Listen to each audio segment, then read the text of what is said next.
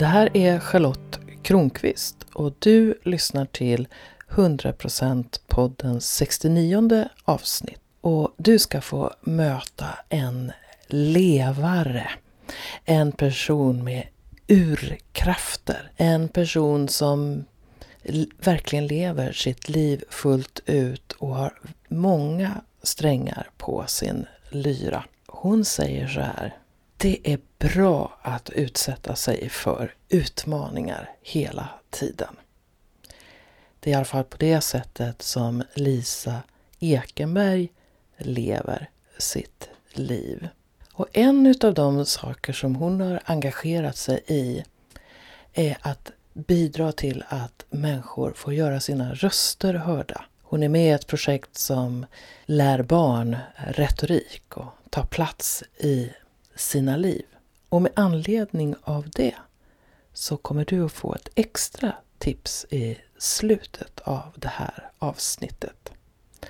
Så välkommen att möta Lisa Ekenberg. Jag sitter på slottet med Lisa Ekenberg som är en levare. Välkommen hit! Tack så hemskt mycket! Vad är det att leva för dig? Att leva för mig är att vara 100% närvarande.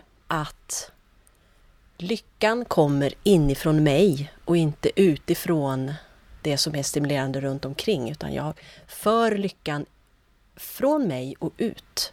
Att vara levande det är att ta ansvar, att känna in vad det är jag vill göra, skaffa mig de verktygen eh, för att kunna skapa mig det liv jag behöver. Och vad jag pratar om då för verktyg, då tror jag att det är viktigt att jag ska göra de behoven jag har för att vara vad jag behöver, att jag ska få dem tillfredsställda. För då tror jag att jag blir 100% närvarande i mig. Och då, då kan man leva inifrån och ut. Du är ju en sån här mångsysslare. Det var därför jag kallade dig för levare. Jag har svårt att här, boxa in dig och, och säga eh, Lisa är sån. Men om jag ställer frågan, vad är det som driver dig?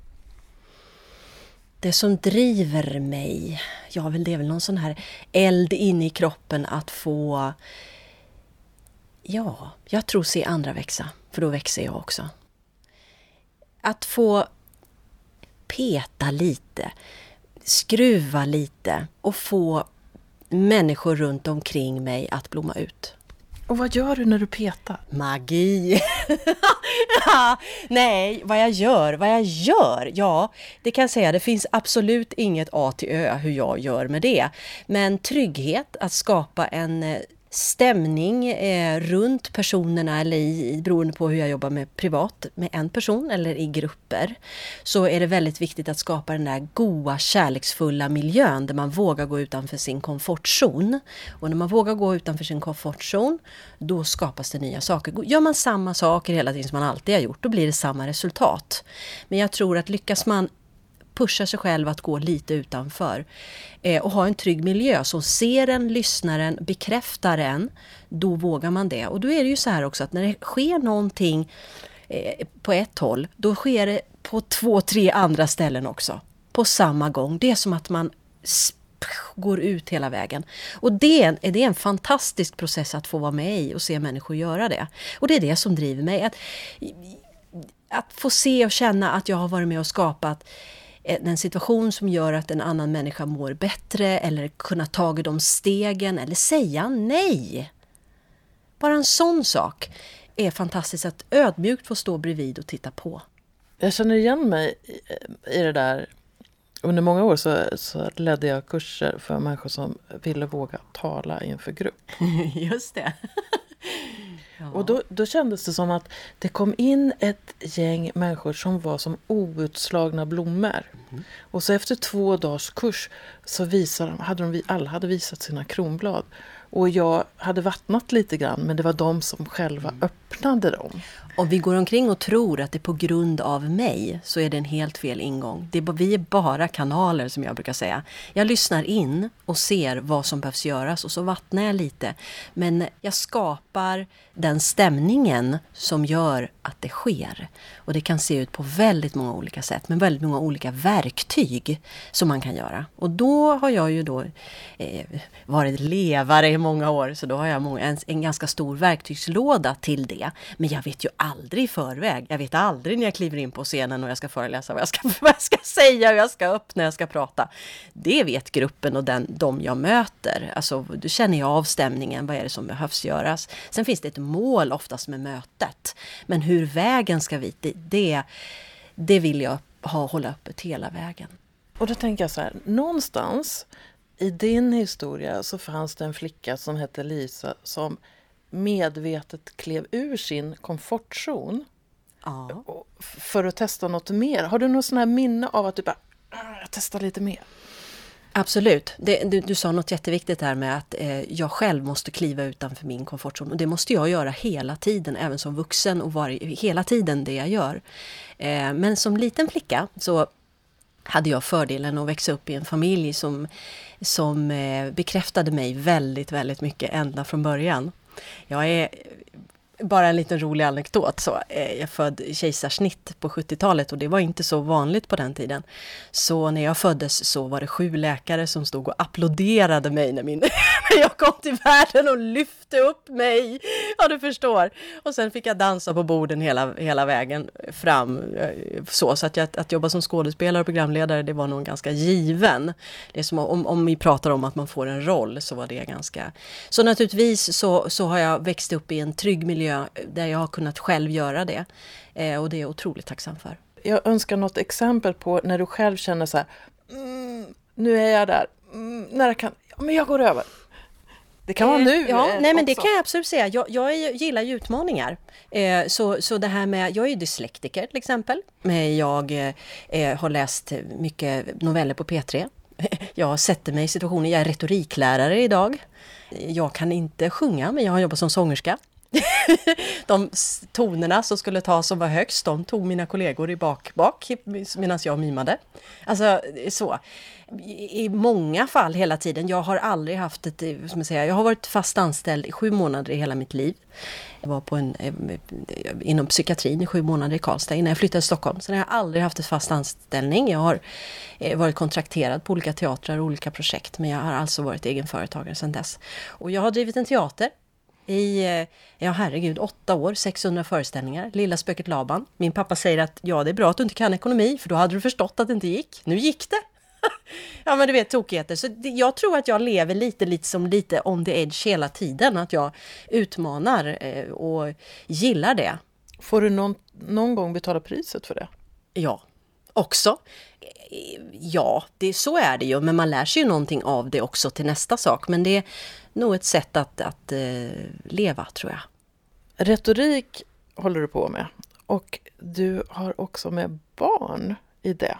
Mm. Det är någonting som har, som har vuxit fram ur någonting. Oftast är det ju så att det börjar någonstans och så utvecklas det efter vägen och så, och så blir det någonting där. Och där vi är nu på resans gång, det är ju att jag tillsammans med två fantastiska eh, eh killar som har startat någonting som heter No Limits. Jag fick eh, möjligheten att då göra No Limit Camps. Det var för att jag har den erfarenheten jag har då som många år på scenen, bakom scenen och med personlig utveckling. Att skapa en form av camps då för barn eh, som kommer och har lite låg självkänsla självförtroende och också inte riktigt vet hur man då eh, blyga. Att komma över den grejen. Det är den ena stora biten och sen den andra biten, hur talar man? Hur, hur gör man? Etos, logos, patos. Hur argumenterar man? Hur gör jag nu istället för att tjata? Och, och hela den liksom retoriska biten. Men den största biten handlar också, det är hur man hanterar sin nervositet. Hur man hanterar situationer, hur jag, hur, hur jag ska förmedla för att få bästa resultatet och så. Och det här har varit en resa tillsammans med Ylva Henrik Hamilton som har vi tillsammans skapat de här campsen. Och nu har vi gjort det här i fyra år och det är många, många hundra barn och vi har även jobbat i skolorna. Och det, det, det, där känner jag att det är en, en tacksamhet, ödmjuk glädje att få, få vara med i det skapandet. För våra ungdomar, bara man ger dem lite så får man ju tusenfald tillbaka. Och det är kul, vi skrattar, vi är mycket kärlek, hela det där. Det vill jag gärna föra in, för det finns inte så mycket av i skolorna nu idag. Så jag, jag kramas gärna mycket på mina lektioner. Skapar oxytocin, vad härligt. Den första boken som jag räknar som min bok heter Börja tala och den handlar då om att tala inför grupp. Och innan jag kommer in på retorik i den så pratar jag om självkänsla, självförtroende och så. För att för mig handlade det om att kunna ta steget fram till scenen. Det var egentligen svårare än att stå sen och säga någonting. Och då minns jag att, eh, att en, en bekant sa till mig Men varför håller du på med det där lullullet? Det är väl bara att berätta hur man ska göra när man, mm, när man ska tala. Och då, jag kommer att tänka på det när du sa det här att hantera nervositet och, mm. och sånt.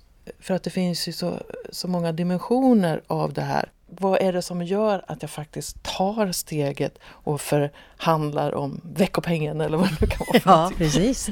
precis. Men då, det tror jag är att när du hittar vägen, eh, när du hittar din kraft inne i dig. Det är nog de första lektionerna jag börjar prata om då och har olika Eh, tekniker för att nå in. Jag låter alltså, jag pratar inte bara, jag låter alla barnen vara med och göra det jag gör. Men att just få tag i den där kraften, att hitta hem, hitta in i dig, att få den kraften. Att inte eh, vara beroende av alla andra runt omkring, utan att du kan vända blicken in i dig. När du får tag i den kraften, då kan du också hitta ditt tal, dina ord. och Du talar så att hjärtat vibrerar, säger jag. Och när hjärtat vibrerar, då är det sanning. Och då vibrerar det till den du talar med. Då blir det ett möte på ett annan nivå, en annan... Vi möter varandra på ett annat sätt. Eh, och när dessa barn och ungdomar har fått in den, då kliver de upp och det finns så mycket då att komma, som ska komma ut. Och se det. Så det, oftast brukar det vara vägen dit som vi pratar om och sen när det väl är klart, då vet de. Det som slår mig då att om jag är hur gamla är de här barnen? De, de, som vi jobbar med är mellan 10 och 14 år. Nu har jag uppdrag även på gymnasium så nu har det utvecklat sig lite högre också. Mm. Men om vi säger en 12-åring som lär sig det här och börjar lyssna på sig själv och kunna säga saker utifrån sig själv så bör ju det vara någonting som han eller hon kan ha med sig resten av livet. Absolut. Det handlar ju om precis de sakerna. Skaffa sig de verktygen vi behöver ha för att skapa oss det liv vi ska ha när vi blir vuxna.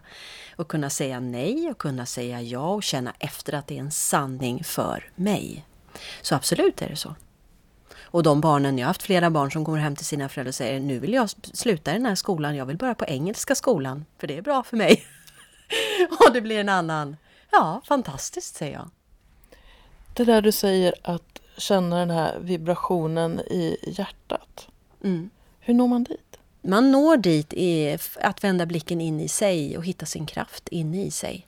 Och det kan man göra med olika tekniker. Det är då yoga, andning, mindfulness och, och sådär. Och det är att vara, prata, vara sann emot sig själv framför allt. Och när man börjar vara sann mot sig själv då kan man vara sann mot världen utanför också. Men den lilla världen inne i dig, det är där vi börjar. Så så du uppfattar dig själv inne i, den, inne i världen i dig. Det är så också du uppfattar den yttre världen. Så när det börjar hända saker inne i dig, att du börjar förstå att du är värdefull, att du har ett jätteviktigt värde här på jorden och det du säger är viktigt och hur du uttrycker det är också viktigt. Då börjar du förstå din plats här ute. Och det är då det börjar ta kraft. För jag kommer ihåg att jag som barn var väldigt fokuserad på vad som hände utanför mig och att jag skulle vara en person som de utanför skulle godkänna. Mm. Så jag visste inte riktigt vad jag egentligen ville eller önskade utan Ja, det var som att jag, jag ville tillhöra gruppen så mm. himla väl. Men, men, så, så är det ju. Vi tittar ju utifrån. Hur, hur reagerar de? Och då bekräftar vi oss själva genom deras reaktioner. Och då tappar vi ju bort oss själva alldeles. Men det är ju så det ser ut och det är inte ovanligt alls. Och det är nog en, det är så det är. Liksom. Men om man då eh, lär sig att ta hand om sig och sina tankar och sina handlingar genom att ha kontakt inåt så upplever jag en sak. Jag brukar förklara det så här att just när man yogar och inte yogar. När jag Eh, när jag yogar så upplever jag att det, det växer fram en sluss mellan mig och den kontextuella världen, alltså verkligheten här utanför. Och det som sker, det går igenom slussen och jag hinner titta på det innan det kommer till mig, innan det ramlar på mig. Jag hinner se, är det här sant? Är det här någonting som jag ska ta till mig? Eller är det helt enkelt någon annans det, det, finns en viss en sluss där. När jag inte gör det, när jag inte tar hand om mig själv med, på det sättet, då är det som att det bara slår på mig och blir en sanning på en gång. Därför så är det väldigt bra att utveckla den här slussen och det är den vi försöker komma åt. Den här vägen in, att det blir lite mer skydd. Vilken bra metafor, tycker jag. Jag har en metod också som är, och den kommer utifrån meditation eh, snarare då, och det är att, att jag kan bevittna mig själv. Exakt. Det vill mm. säga, jag står vid sidan av mig själv och så ser jag vad som händer mig och jag kan känna också, kan vara starka känslor, men jag, men jag drunknar inte i det. Jag vet precis. Det var en annan metafor på samma, men det var jättefint. Det är precis så det är. Jag tror också att, att självkänslan, självförtroendet, hela det här börjar växa då. Det är där det börjar växa. Jag lär en, ut en sak som är väldigt viktig, något som kallas för en hemlig munk. Vet du vad en hemlig munk är? Nej. Nej. Det är att man gör gott för andra utan att ta cred själv. Då går credden tillbaka till dig själv istället. Till exempel, man kommer till en offentlig toalett. Jag har precis kommit från Värmland nu och stannar alltid på Statoil i Arboga. Och så när jag kommer in på den här Statoil så är det fullt, det var gegg på golvet, du vet servetter som låg överallt och det var blött och det var sådär. Ja, då har jag ett val. Då kan jag ställa mig och titta på det där och så tänker jag bara det ska jämt vara så här när jag kommer hit. Och så kan jag helst slå upp dörren och bara skrika på personalen. Att det, är så här. det är om jag tar ut det stort. Nej, utan jag har ett val där. Jag tar, ihop, tar en eh, papper och så gör jag rent på golvet och så slänger jag det i papperskorgen. Och sen vet jag att nästa som kommer får en mycket trevligare uppgift en, eller säga, mycket upplevelse än vad jag fick när jag kom in på toaletten. Och vad som sker då, det är att då kan jag gå ut och säga så här, du, nu ska jag minst ta en gratis kaffe här, för jag tvättade er toalett här. Nej, utan jag går därifrån med gott i hjärtat och en bra magkänsla över att jag vet att jag gör gott. Jag behöver ingen bekräftelse för det. Jag vet det själv. Om jag gör sådana handlingar, karmahandlingar, det är att jag börjar tro och lita på min egen, min egen kraft. Jag är bra. Alltså jag, jag har ett par hemliga munkgrejer. Eh, ja. Dels att jag ibland har skickat så här vykort till någon som har skrivit något som jag tycker är bra och så lämnar jag inte ens min adress utan jag skriver bara mitt namn. Underbart! Underbart! Men sen är det något så här, ibland så kommer jag in i en affär och så står den som jobbar där och ser ut som att de har fel jobb. Mm. Och då tänker jag så här, jag ger mig inte först jag har ett leende hos den här personen. Underbart! Vad gör du då? Ja, det kan vara så här, åh vilket fint halsband du har eller åh vad har du köpt den där kjolen eller mm. Mm. åh det glittrar i dina ögon, har det hänt något särskilt idag? Mm. Alltså mm. bara något. Och sen så, och har jag satt den intentionen så händer det alltid. Ja, det är klart. Eh, jag plockar upp någonting i det du säger nu. Jag plockar upp det du säger att, att, jag, kom, eh, att jag har ett jobb som de inte vill ha. Det är en intressant grej. För jag tror ju att blir du 100% i dig, då hamnar du inte heller på något jobb som du inte vill ha. Jag tror att människor ska hamna där de ska hamna för att göra gott i världen. Alltså de ska vara på sin rätta plats. Och för att hitta sin rätta plats, då behöver man titta inåt lite grann och veta vem man är till 100% där. Ja, och senast jag träffade dig så, så var vi på en andning, en frigörande andning. Och jag gissar att du tänker att det är också en väg? Det är absolut. Det är som att städa garderoben säger jag. Eh, absolut det är jag.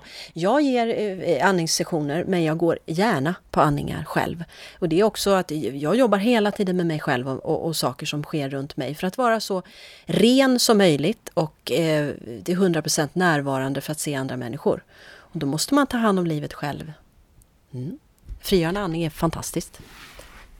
Jag har ju gjort det till och från jag är inte andningspedagog men jag har varit med om frigörande andningar sedan 2002 eller någonting i den stilen.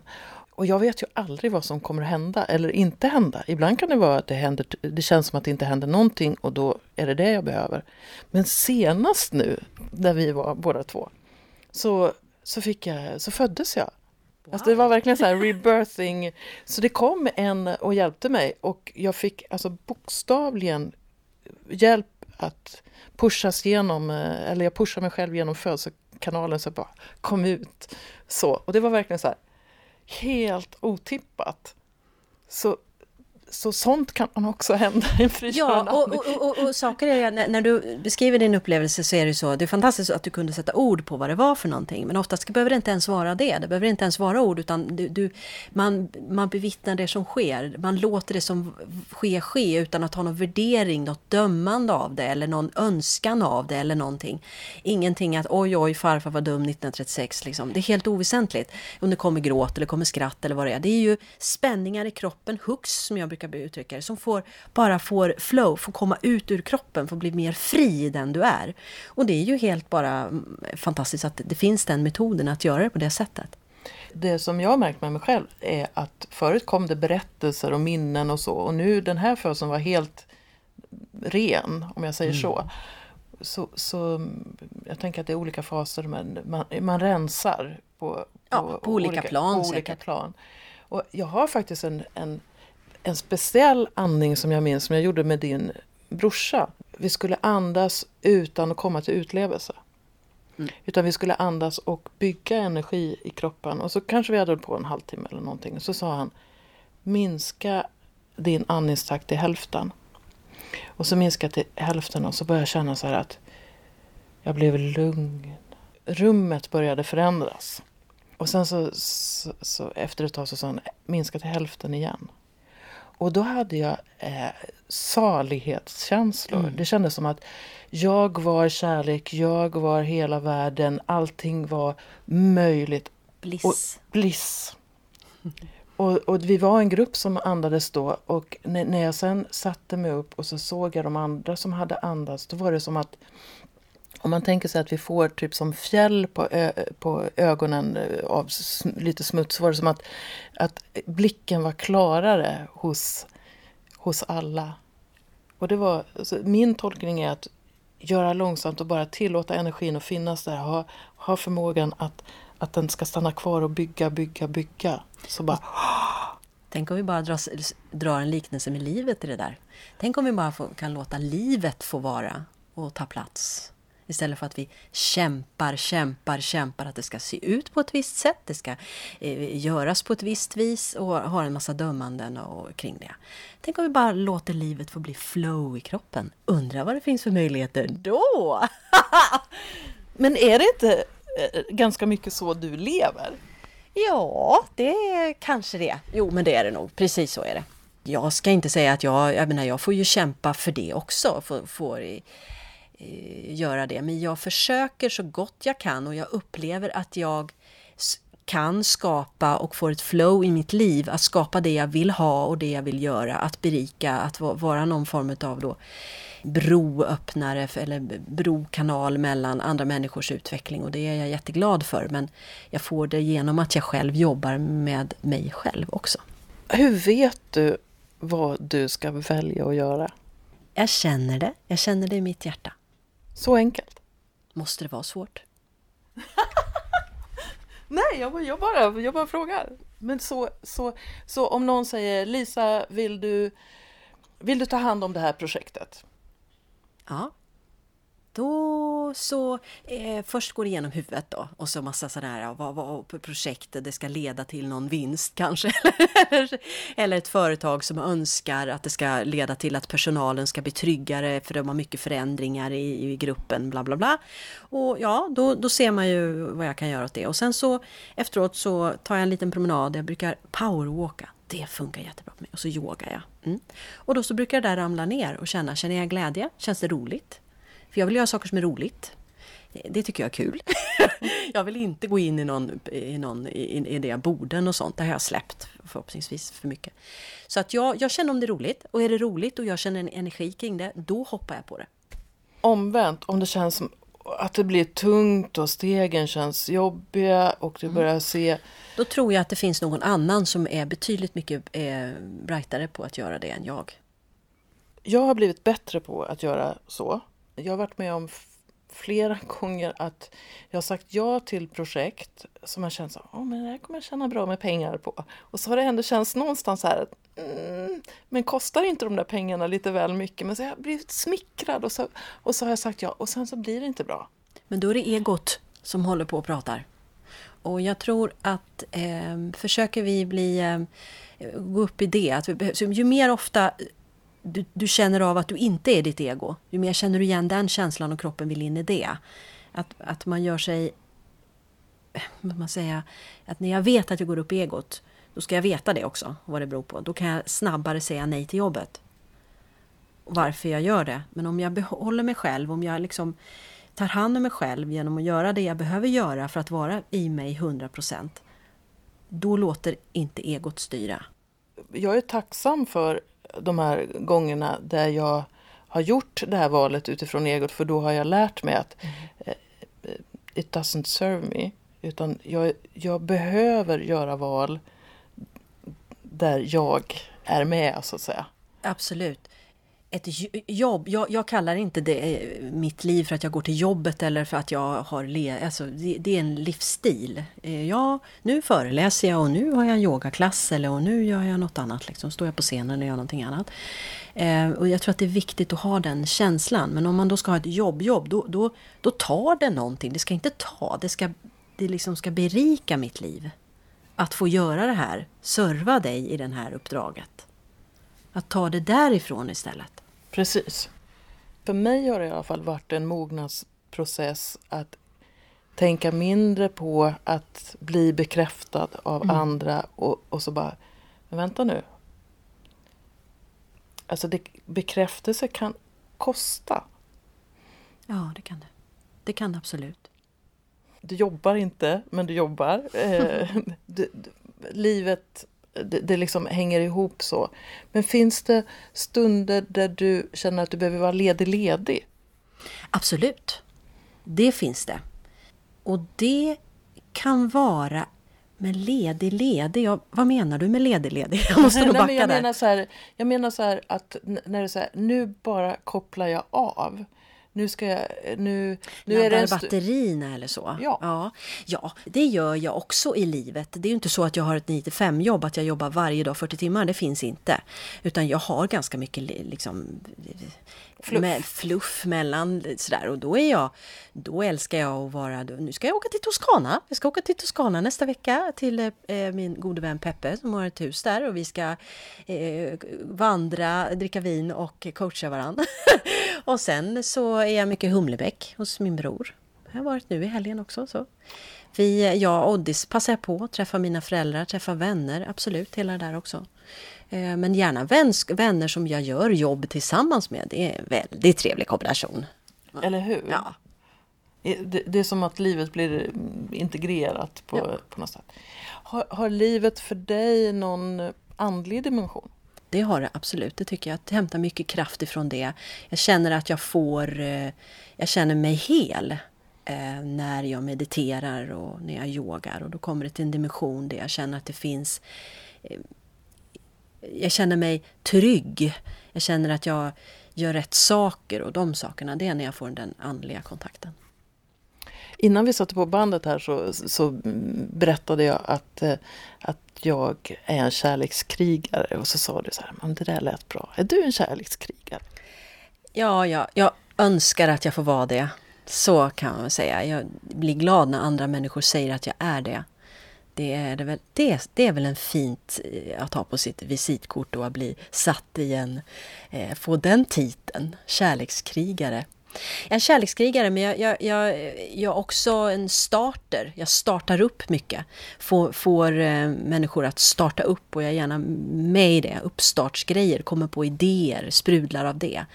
Eh, inom media har jag jobbat med det och startat tv-program och tv, olika kanaler, en kanal en gång och lite så. Och det tycker jag är vansinnigt roligt. Skriva barnprogram och starta upp saker. Det är jättekul. Brinner jag lite.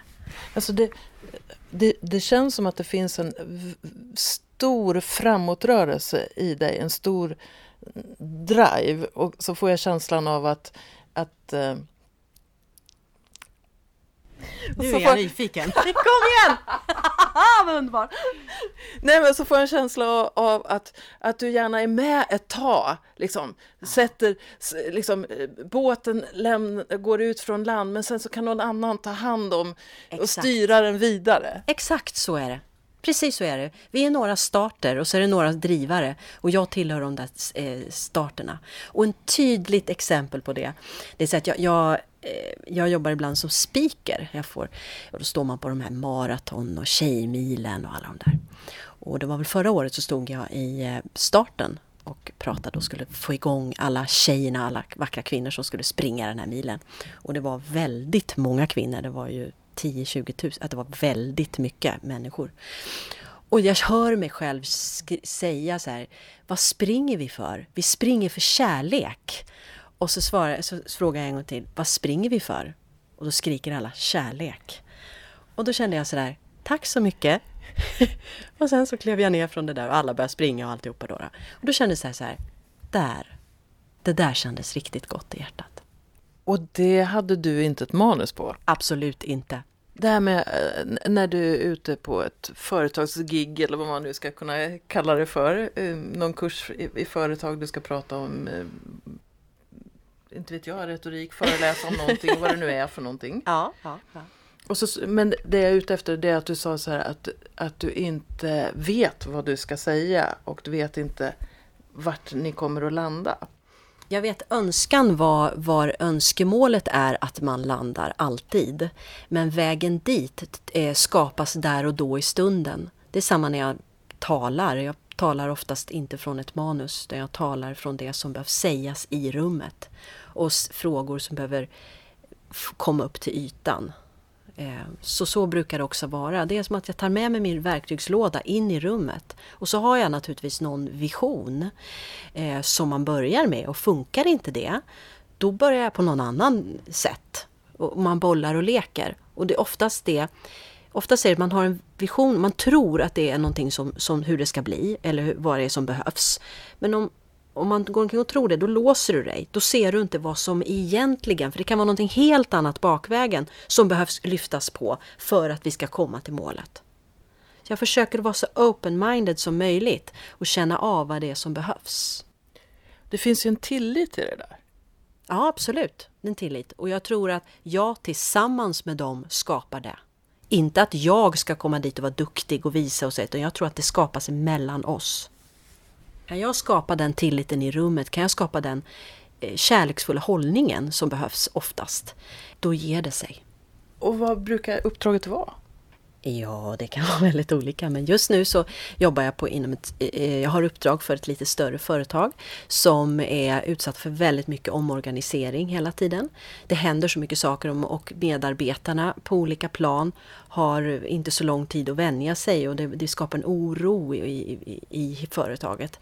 Så vad jag gör där det är att jobba i grupp och enskilt för att de ska bli tryggare i att hantera eh, nya saker och då måste man ju gå till sig själv. Varför, vill man, varför är man motsträvare för det och varför är man rädd för förändring eller hur kan vi göra det här tillsammans? Samarbetsövningar där de lär känna varandra på ett annat plan, där de också litar och tillit till varandra. Att man, man, man blir en, vad ska man säga, gummibandet sträcker sträcks ut lite grann, att man kan lite mer och vågar lite mer. Och det är ett fantastiskt arbete. Och då får ditt gummiband också sträckas ut? Jag kan inte jobba i det och leda den gruppen. Man kan aldrig leda en grupp längre än vad du själv har kommit. Så jag behöver också sträcka mitt gummiband. Men jag kanske behöver göra andra saker. Vet du vad jag har som mål nu? Det är att jag ska hoppa från femte trampolinen rakt ner i vattnet. Det är det läskigaste jag vet. Det ska jag försöka göra. Fem meter? Ja, nu, femman heter det väl. Då är det tio meter? Typ. Ja, det är typ. Mm. Sådana saker, eller andra saker, eller ja, utsätta sig saker hela tiden. Jag tror att det är bra, utsätta sig för, för utmaningar hela tiden. För jag kan aldrig leda en grupp längre än vad jag själv har kommit. Är du också sån som att när du då har tagit ett steg så, så, så eh, vill du testa det på gruppen? Ja. ja, det kan det nog vara. Och det kan kanske ta sig ut, uttryck på ett annat vis. Men det är väl lite så att det man är i i livet, det också ger man till andra. Eh, så är det. Så därför är det viktigt att se du, hur din hur ditt liv ser ut, vad du, vad du har runt omkring dig. Att du har relationer som är avklarade rätt bra. Att du skapar ett bra kontaktnät där det finns en hållenhet, kärleksfull relation där man inte behöver tävla eller någonting. Att du skapar en, en, ett, ett vackert slott som vi sitter i just nu, runt omkring dig. För det är därifrån du verkar. Du är mån om dig både inre och yttre. Något som jag har jag lagt märke till det är att eh, de uppdrag jag har, att de... Ett tag så hade jag jättemycket så här retorikkurser och så. Och sen så försvann det och det försvann ungefär i takt med att jag själv kände mig väldigt trygg att stå framför gruppen. Så att det är som att, att ibland så kan energin liksom pysa ur någonting för att man själv är färdig med det. Det tror jag definitivt på. Och det är ofta så att det jag själv går i och bearbetar eller vad jag jobbar med, det är oftast de klienterna som kommer till mig med ungefär likadana saker. Så det där är spännande, det där är jättespännande. Eh, helt klart, helt rätt. Ja, alltså det, ja, så, jag kan verkligen relatera till det. Så ibland när jag har klienter så kan jag tänka så här, okej, okay, vad ska jag lära mig om mig själv just nu? Ja, det är väl en bra, bra sätt att se på det hela, eller hur? Mm. Du, alltså, du kom hit och så hade du ett, ett papper med dig och jag, jag ser bara ett ord där som jag blev så nyfiken på. Och det är urkraft. Ja, urkraft. Det står för väldigt mycket för mig. Det är en kraft som kommer under och överifrån. Någon, en, en stark kraft som som man, som man kan hamna i när man behöver ha, göra det man absolut inte tror att man ska klara av, men man klarar av ändå. Och det finns en kraft som lyfter en och finns där för en. Och den där kraften, när jag är så mycket hittat hem som möjligt, är i mig själv, gör de besluten jag ska, då kommer den där urkraften till mig. Och det där är spännande för kvinnor har en himlans urkraft alltså. Och eh, det syns i ögonen. Det tror jag också är någonting som jag... Eh, jag har haft en del kvinnoretriter och jag tror att jag är på väg dit igen. Men med en annan grund. Det blir spännande. Nu var du lite hemlig. Ja, lite hemlig är jag. Jag, var, det, det, men jag har en rolig anekdotgrej vad det gäller den där urkraften. Var, jag var på början av 90-talet så jobbade jag ju som skådespelare och även som, eh, inom produktion. Jag ville lära mig mer om film. Och då skulle Solveig Ternström göra en, en produktion som heter Morsarvet uppe i Värmland. Och jag fick jobb som hennes regiassistent. Jag jobbade tätt intill henne och hon lärde mig allt. Och jag är otroligt tacksam för det. Och då var jag var inne i, jag, jag tog väl hand om skådespelarna, kokade kaffe eller vad jag gjorde någonting. Man får ju göra allting och så är det ju. Och inne i studion så skulle skulle en känd skådespelare skrika ett urvrål. Och hon skrek. Och hon skrek. Och Solveig Törnström, eller Solveig var inte nöjd. Så till slut ropade de på mig. och då ska jag komma in. jag visste ingenting. Lisa, kom hit och skrik ett urkraftsvrål. Och så gjorde jag det var en tagning. Det var ett riktigt urkraftsvrål. Och det där tror jag att jag bär med mig, att jag har den. Och om vi tänker oss att någon lyssnar på det här och skulle behöva kontakt med sitt urkraftvrål, vad skulle kunna vara en första åtgärd den personen skulle kunna vidta då? Eller träna på eller så? Vänd blicken in i dig och lär känna det som är där. Enkelt och svårt på samma gång. Tack så jättemycket Lisa Ekenberg för att du kom till mig på slottet idag. Tack så hemskt mycket för att jag fick vara här. Om läget är det detta så kanske du kan låta ditt urkraftsvrål höras. Hur mycket av din urkraft tillåter du dig att släppa ut och vad skulle kunna hjälpa dig att få större volym på det och på dig? Det är väl någonting att reflektera över efter att ha lyssnat på Lisa Ekenberg.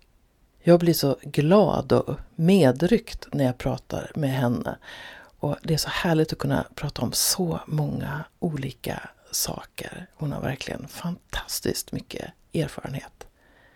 100% podden är ju mitt eget projekt, mitt kärleksprojekt, mitt sätt att bidra till att du som lyssnar känner mm, jag har nog en kraft där. Kanske jag kan öka volymen på den. Du får gärna tipsa om fler hundraprocentare. Du kanske är en själv. Och om tycke uppstår så kanske du blir en av de som berättar om dig för världen. Lisa Ekenberg pratar ju en del om retorik i det här programmet. Och en av mina första böcker heter Börja tala. Och handlar om hur du kan bygga självkänsla och sen tala inför grupp. Och jag själv är en person som har varit livrädd för att stå inför grupp. Och det är just därför den heter Börja tala. Och den här boken har sålts i mer än 15 000 exemplar och den är på väg att försvinna. Men jag har skaffat mig en hög med böcker. Så om du går in på min hemsida charlottekronqvist.org så kan du köpa den här boken för bara 100 kronor. Om du betalar lite extra så kan du få en personlig hälsning från mig. Jag hoppas att du njuter av den svenska sommaren. Och är det så att du är lite intresserad av tantra så kan du få träffa mig på Tantrafestivalen på Ängsbacka som äger rum i början av augusti.